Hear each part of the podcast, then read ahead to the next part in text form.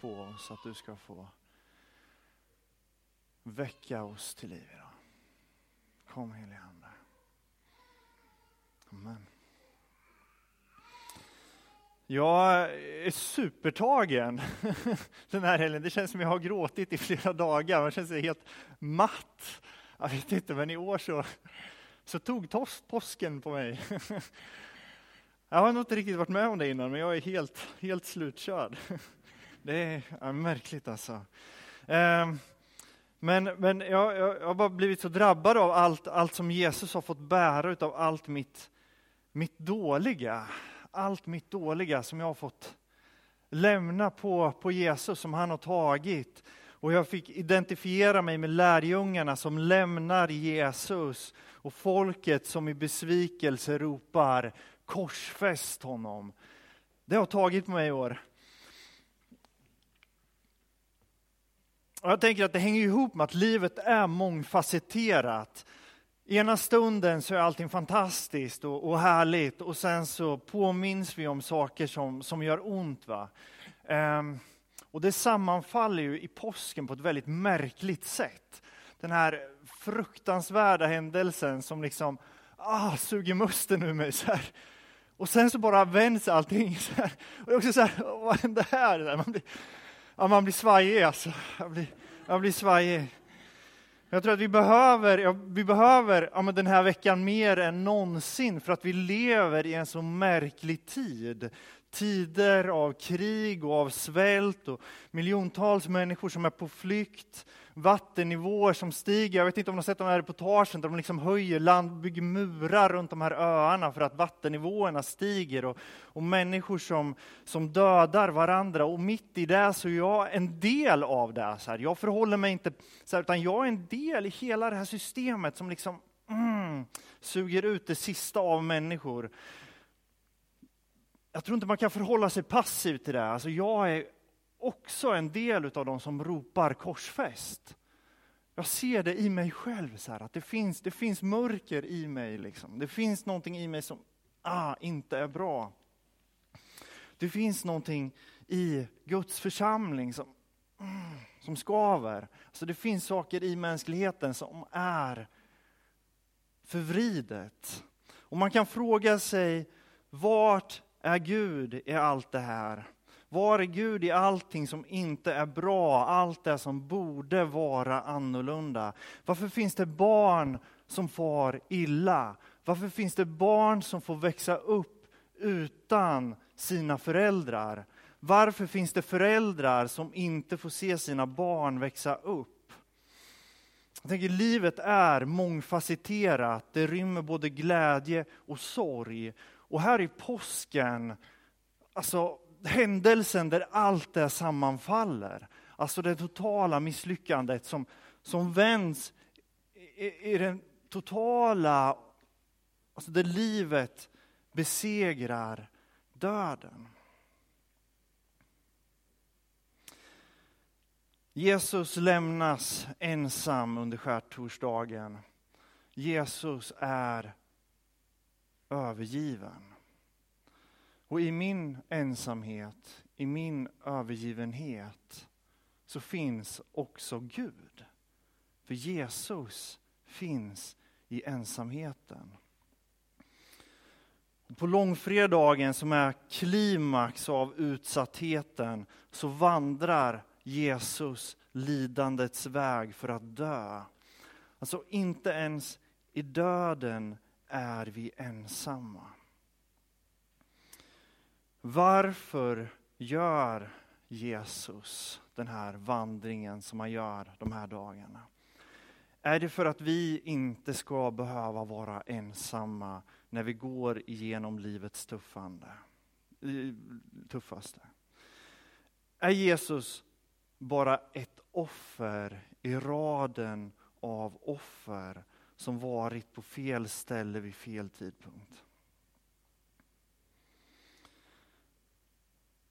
Vi satt och, och pratade här i, i dagarna med, med, med, en familj som har förlorat sin son, eh, fyra år. Och det är klart, eller så här, man kan inte fjärma sig för det. Liksom. Så här, vart, vart är Gud i det?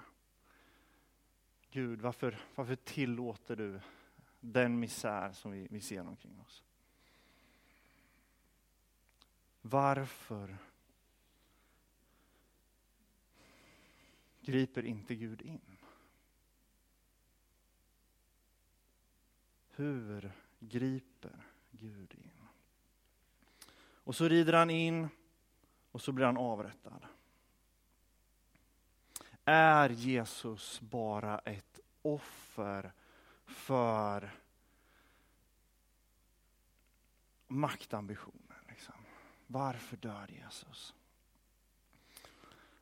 Men det finns någonting som är unikt i Jesu död. Det är att Jesus som dör är någonting mer än bara en vanlig människa. Jesus är livet själv. Livgivaren. Och när Jesus dör så dör livet. Livet finns inte längre i världen. Och därför dansar häxorna i Blåkulla under påsken. Därför firar Satan och djävlarna. Livet finns inte mer. Gud grep in, han kom för att befria, men han dog. Han avrättades på ett kors. Samtidigt som Jesus så framträder andra personer i Israel. Människor som hävdar sig vara Messias. Och ett exempel som man kan läsa i Gamla Testamentets apokryfer är Makabeerna som kommer för att driva ut romarna ifrån, eller först, först grekerna och då ifrån imperiet för att upprätta Guds rike. De blir kallade Messias fler Messias-gestalter framträdde. Vad är det som är unikt med Jesus?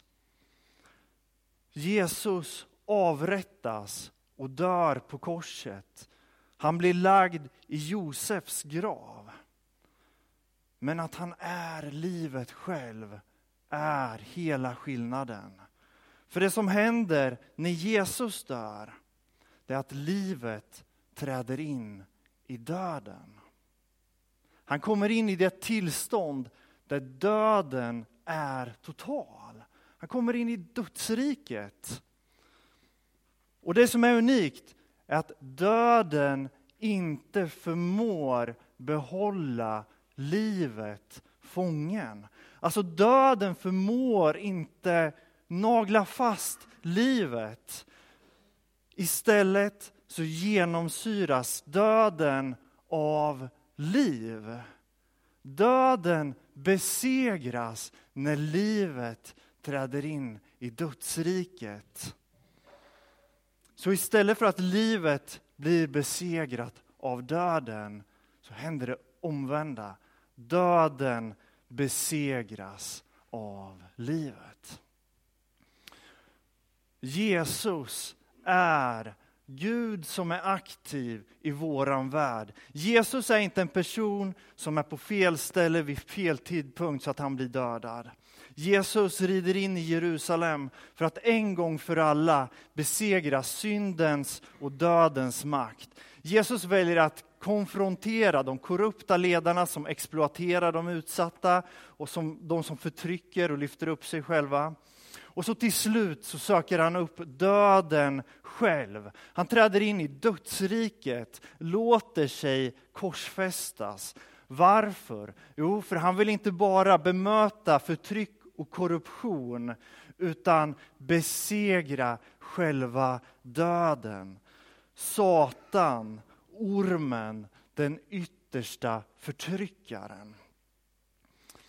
Det här är den händelse i den kristna tron som vi kallar för Kristus Viktor. Kristus segraren, han som besegrar synden och dödens makt. Jesus är livet efter döden. Och det är härifrån vi får bilderna av att ljuset lyser i mörkret och mörkret förmår inte släcka ljuset. Ljuset besegrar mörkret. Och döden som tidigare har haft sista ordet. Alltså alla människor kommer någon gång att dö. Det är definitivt. Det är inte längre definitivt. Döden är besegrad. Alltså hela tillvaron kastas omkull när Jesus besegrar döden. På tredje dagen när Jesus uppstår, så uppstår han inte bara som människa. Han uppstår som den nya människan, som den nya Adam. Paulus förklarar i Romarbrevet 5, 17-18. Om en enda mans överträdelser betydde att döden fick herravälde genom denne ende, så ska vi nu istället, de som blir rättfärdiga genom nådens överflödande rika gåva, leva och få herravälde tack vare en enda, Jesus Kristus. Alltså, genom en endas överträdelse ledde till fällande dom för alla människor, så har också en enda rättfärdig gärning lett, en endas rättfärdiga gärning lett till frikännande och liv för alla människor. Jesus besegrar döden. Och I den tidiga kyrkan så målar man Jesus på två sätt. Alltså när man avtecknar Jesus i de här ristningarna i Roms katakomber, hur målar man Jesus? Ja, men dels målar man Jesus som den gode herden som bär fåren på sin rygg. Och så målar man Jesus som Jona. Som blir uppslukad utav valen. Så här står det i Jona 2. Herren lät en stor fisk sluka Jona. I tre dagar och tre nätter var Jona inne i fiskens buk. Därifrån bad han till Herren, sin Gud. Jag ropade till Herren i min nöd och han svarade mig. Ur dödsrikets inre steg mitt rop och du hörde min röst. Du slungade mig i djupet, mitt i havet, där strömmarna fångade mig. Alla dina brottssjöar slog samman över mitt huvud.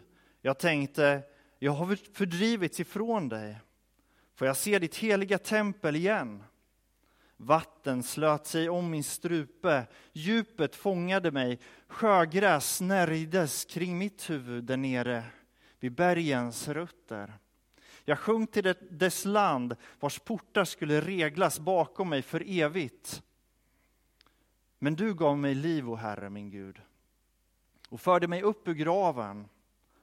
Då mina krafter sinade vände jag mig till Herren. Min bön nådde dig, nådde ditt heliga tempel. De som dyrkar falska gudar överger sin trofaste hjälpare. Men jag ska offra åt dig under lovsång och infria mina löften. Räddningen kommer från Herren. Och på Herrens befallning spydde fisken upp Jona på land. Varför avbildar man Jesus som Jona? Jesus blir kastad i havet, uppslukad av döden, men döden har inte sista ordet. Efter tre dagar så spottas han upp på land. Efter tre dagar är döden besegrad. Döden förlorar sin makt.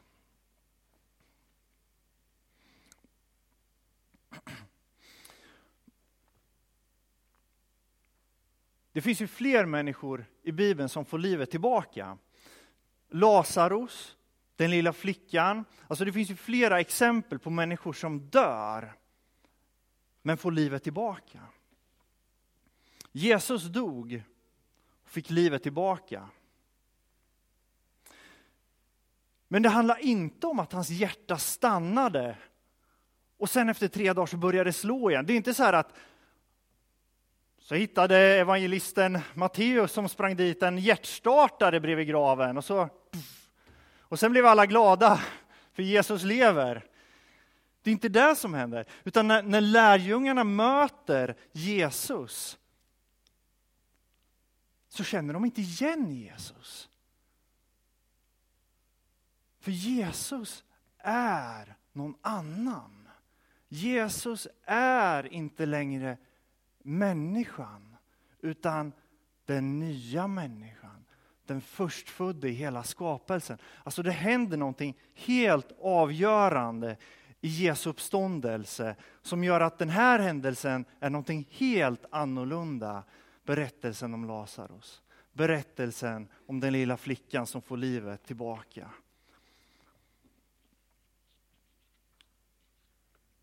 Jesus besegrar döden.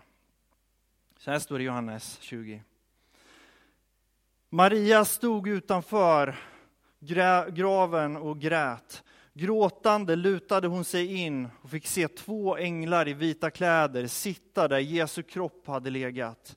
En vid huvudet och en vid fötterna. Och de sa till henne, varför gråter du kvinna?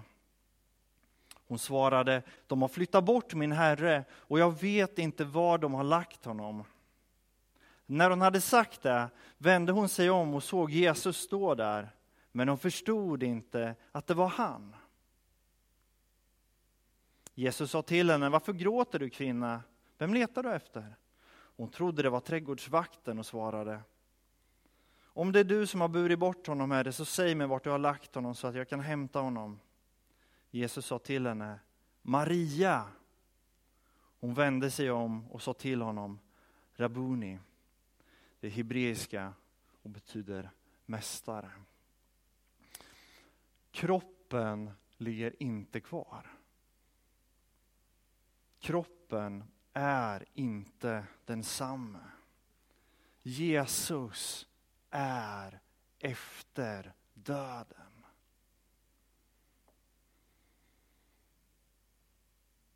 Mitt i dina omständigheter mitt i ditt mörkaste mörker så är det inte hopplöst längre. Döden har inte sista ordet. Inte ens döden är total. Om Adam öppnade vägen som ledde till död, syndens väg, så öppnar Jesus en ny väg där döden inte har sista ordet.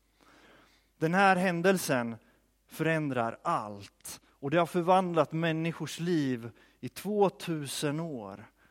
Och det är den här händelsen kyrkan vittnar om över hela jorden idag.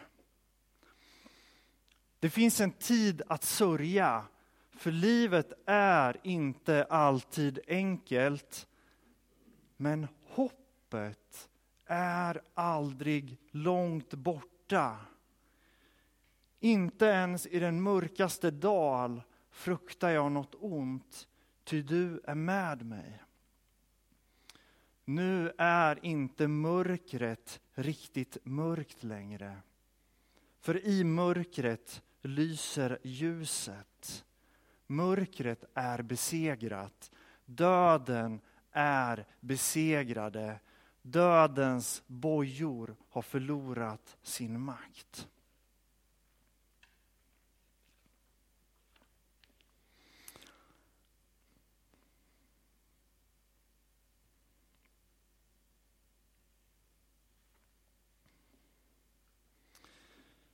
Mitt i våra omständigheter, mitt i psykisk ohälsa, misslyckanden, tvivel, otillräcklighet, trasiga relationer, mitt i liv fyllda av lögner, demoniska strukturer, där vi är nära att ge upp hoppet om morgondagen. Just där får vi luta oss in i graven tillsammans med Maria och se att Jesus är inte kvar.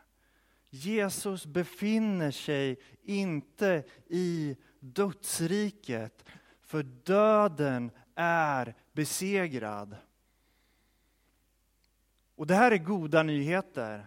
Det här är goda nyheter för mamman som har förlorat sitt barn, för barnet som har förlorat sina föräldrar, för kvinnan som förlorar sin man i en fruktansvärd sjukdom.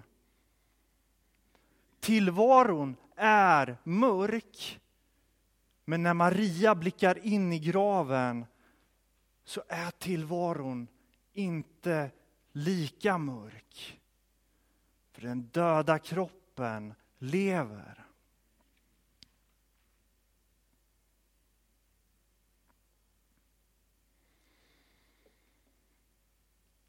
Den döda kroppen lever och inte ett liv som snart igen ska dö. Utan Jesus lever och ska aldrig mera dö. Kroppen som uppstår är bortom döden. Kroppen som uppstår är på andra sidan döden. Och för människor som upplever motsättningar och konflikter så finns det inget hinder som är tillräckligt stort.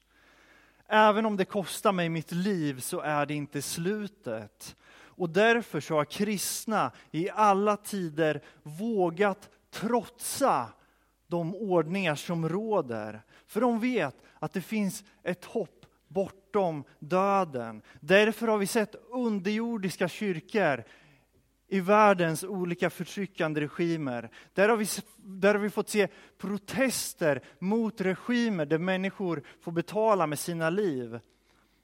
För Jesus har vunnit segern.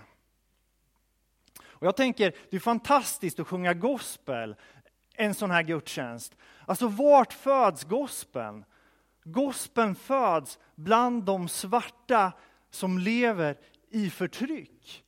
De har inget, de har inget, de har inget att glädjas över. Så här. Vad har de att glädjas över? Nej, det finns ju ingenting. så här. Och de blir våldtagna, de blir dödade om någon blir dödad. Det är ingen som ställs till rätta för det, för du är ju någon slavägares egendom. Va? De får göra vad de vill med dig. Så här, va? Men de har fått erfara livet bortom döden. Alltså det bär genom döden.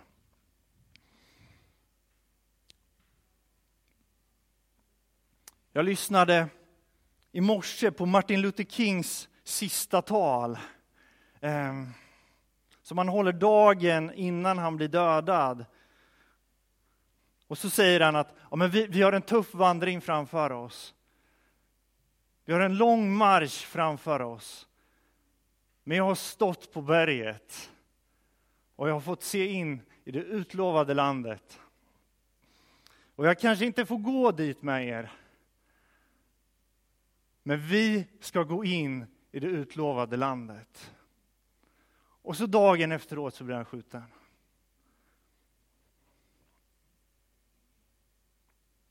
Jag tänker, mötet med den uppståndne väcker hopp.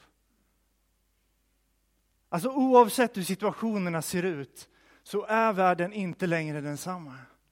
För döden har inte sista ordet. Döden är besegrad och här väcks hopp att fortsätta kämpa. Paulus skriver Död, var är din seger? Död, var är din udd? Därför kan vi mitt i den djupaste misären fortfarande drömma. Vi kan hoppas på det som vi ännu inte ser. Paulus skriver, ty jag viss om att varken död eller liv, varken änglar eller andemakter, varken något som finns eller något som kommer, varken krafter i höjden eller krafter i djupet eller något annat i skapelsen ska kunna skilja oss från Guds kärlek i Kristus Jesus, vår Herre. Och kanske är det svårt att se ljuset i mörkret just nu. Kanske är ditt mörker väldigt tjockt just nu.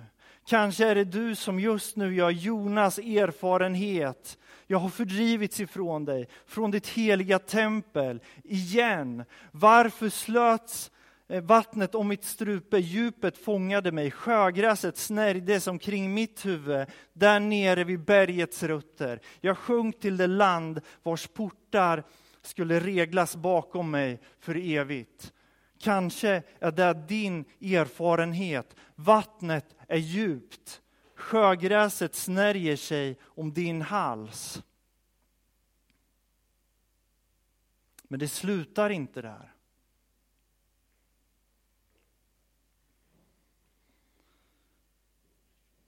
Jag ska åter få offra åt dig under lovsånger och infria mina löften. Varför? För att räddningen kommer från Herren. Och på Herrens befallning spydde fisken upp Jona på land. Gud, vart har du varit den här perioden i mitt liv? Jo, jag har gått med dig. Jag har gått med dig genom den här tuffa perioden. Jag har delat smärtorna med dig. Jag har delat smärtorna som det innebär att vara människa.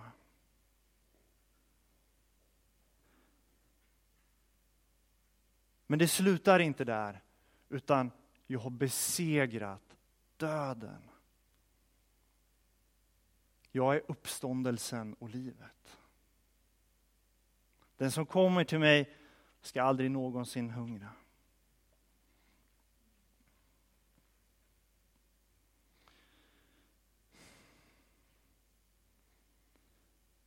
Gud är god. Han går med oss och han går före oss.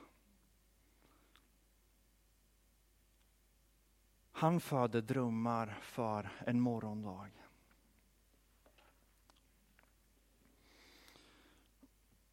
Jag tänker att vi, vi ber tillsammans. Eh, vi gör, vi gör eh, eh, kanske sällan så att vi, vi gör en inbjudan som vi kan respondera på, men jag tänker att ja, men ett sätt att respondera är ju bara att få, få bära varandra i bön. Jag tänker att om det är någon som känner att ja, men det är jag, jag är Jona, jag har det tufft just nu. Um, sjögräset snärjer sig omkring mig. Var är du Gud? Um, så är vi inte utlämnade åt oss själva, utan Jesus går med oss och han går med oss genom sin församling. Och jag tänker att vi tar tid att be för varandra. Kan vi inte göra så att om någon vill att vi lägger händerna på någon och ber så får man jättegärna räcka upp sin hand just nu.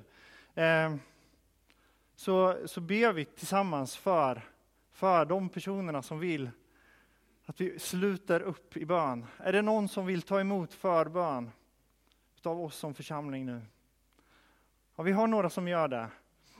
Kan, precis, kan vi inte få sluta upp kring dem? Kan vi inte göra det? Vi, vi, reser oss upp och sen så sluter vi upp. Vi har några, det kanske finns fler, det kanske finns fler. Är det någon mer som vill ha förbön så sträck upp din hand.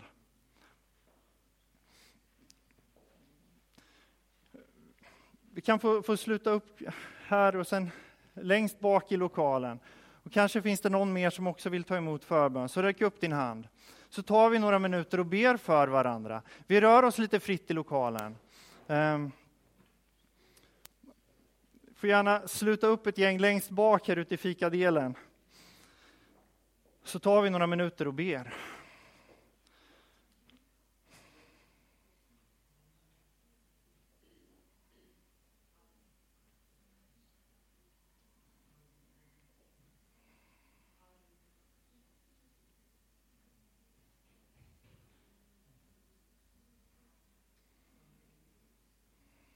Och den som vill får gärna fritt lyfta upp sin, sin röst i, i bön för, för oss.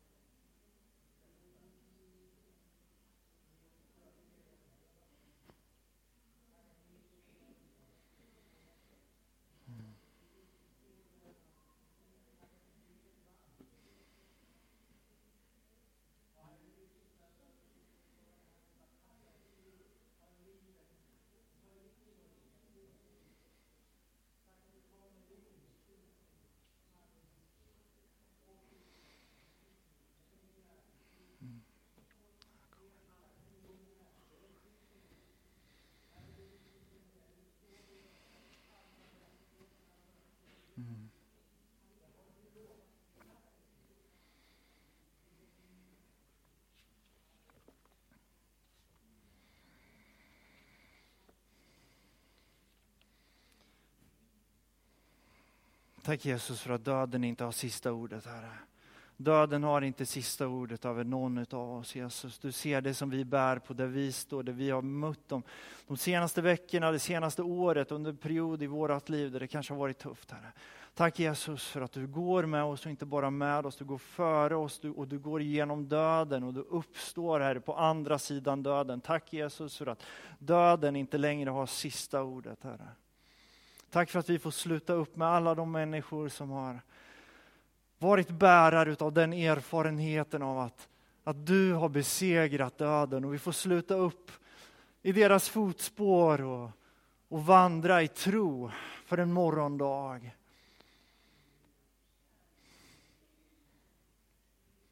Tack Jesus för att du är med i mörkret som vi går igenom. Men tack för att mörkret inte är lika mörkt som det var, Herre. Tack för att ljuset lyser i mörkret och mörkret har inte övervunnit det. Tack Jesus för det.